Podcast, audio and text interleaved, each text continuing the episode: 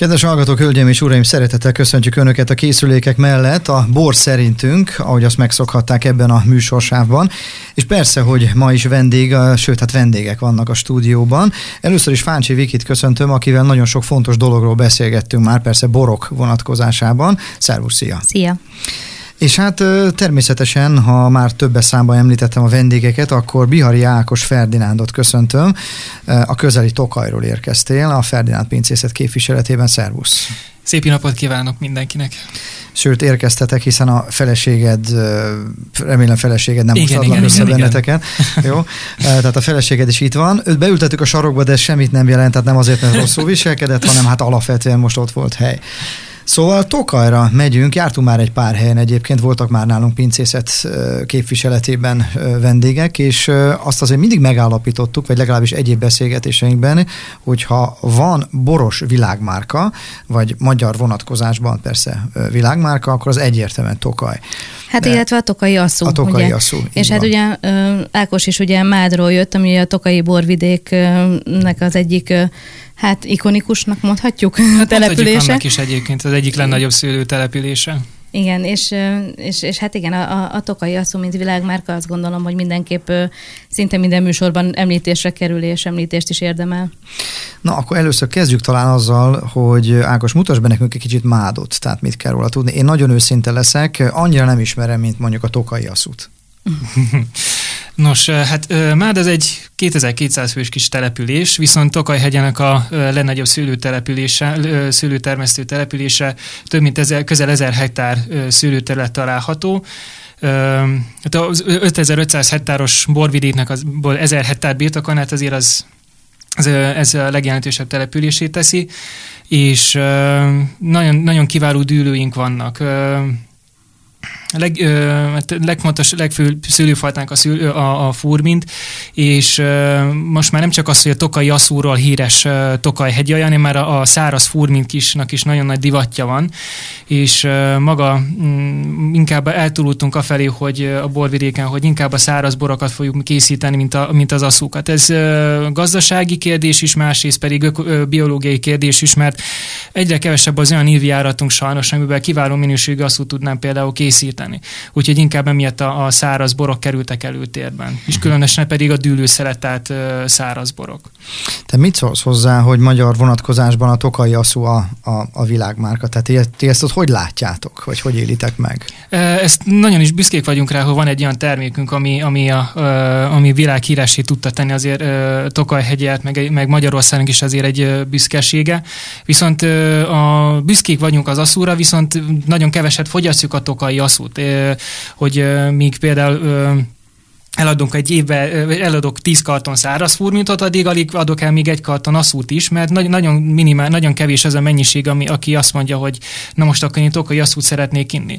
Elment az irányba, hogy az aszú fogyasztása ez az ünnepek bora, a különleges alkalmak bora, és, és nem a mindennapok bora, pedig egy jó aszút meginni, azért a mindennapi tevékenység is lehetne akár, vagy, vagy egy jó vasárnapi ebédet befejezni a pohár asszúval, az is egy különleges alkalom lehetne. Uh-huh. Úgyhogy vissza kellene szerintem az asszút is téríteni, azt nem csak a különleges alkalma borra legyen a tokai asszú, hanem, a, hanem úgy értve a mindennapok borának is vissza lehetne szerintem vezetni, hogy azért az ember is ünnepelje meg azért a saját napját az, hogy nem csak hogy egy születésnap vagy egy, egy karácsony, hanem, hanem azért a, a mindennapjainkat is ezért meg lehet tisztelni azzal szerintem, Jó, hogy hát a... fogyasszunk asszút. Jó, mondjuk az a, a mindennapi bor, meg hát a mindennapi borfogyasztás sem nagyon jellemző jelen pillanatban egyébként a borfogyasztó közönségre sajnos.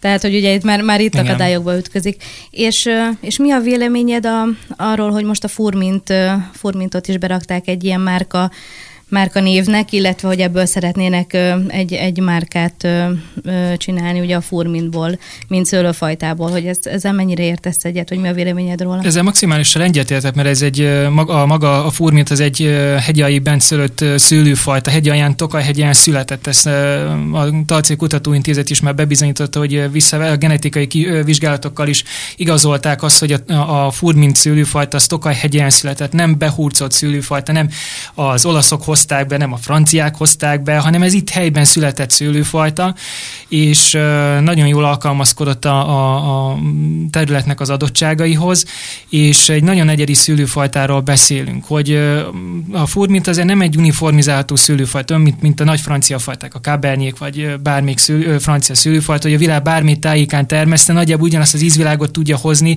A furmint nem csak a, nem az, hogy egy borvidéken belül, hanem dombról dombra teljesen más karakterű bort tud hozni, évjáratról évjáraton más bort tud produkálni. Hát, nagyon különleges szőlőfajta, nehéz szőlőfajta, de, de egy nagyon különleges ízvilágú szőlőfajta. Igen, de aztán vannak olyan hangok egyébként, ami, a, akik pont ezért nem értenek egyet ezzel, mivel hogy a, a furmint nem uniformizálható, tehát mondjuk adott esetben egy külföldi piacon nagyon nehéz lenne vele úgy megjelenni, hogy, hogy, hogy mindenki egyből, egyből ugye tudja, hogy ez egy furmint, ez egy magyar furmint, adott esetben mondjuk ugye Tokaj hegyajáról, hogy pont ezért vannak olyan hangok, akik, akik azt mondják, hogy nem biztos, hogy ez a legjobb választás volt.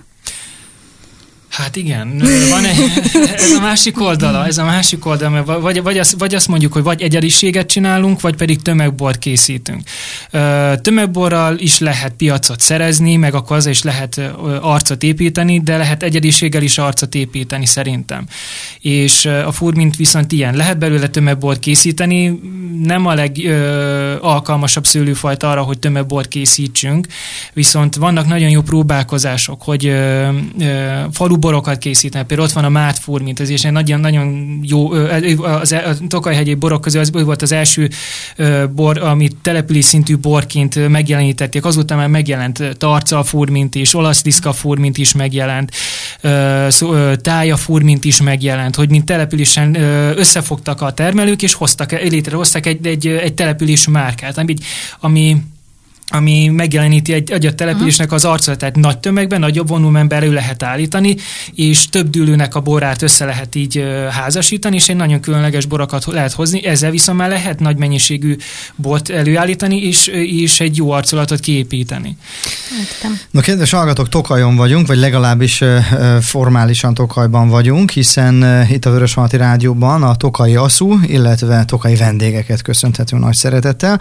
Pillanatokon belül folytatjuk tovább, nagyon rövid szünetet tartunk, utána pedig természetesen beszélgetünk tovább. Hallgassanak bennünket, jó rádiózást!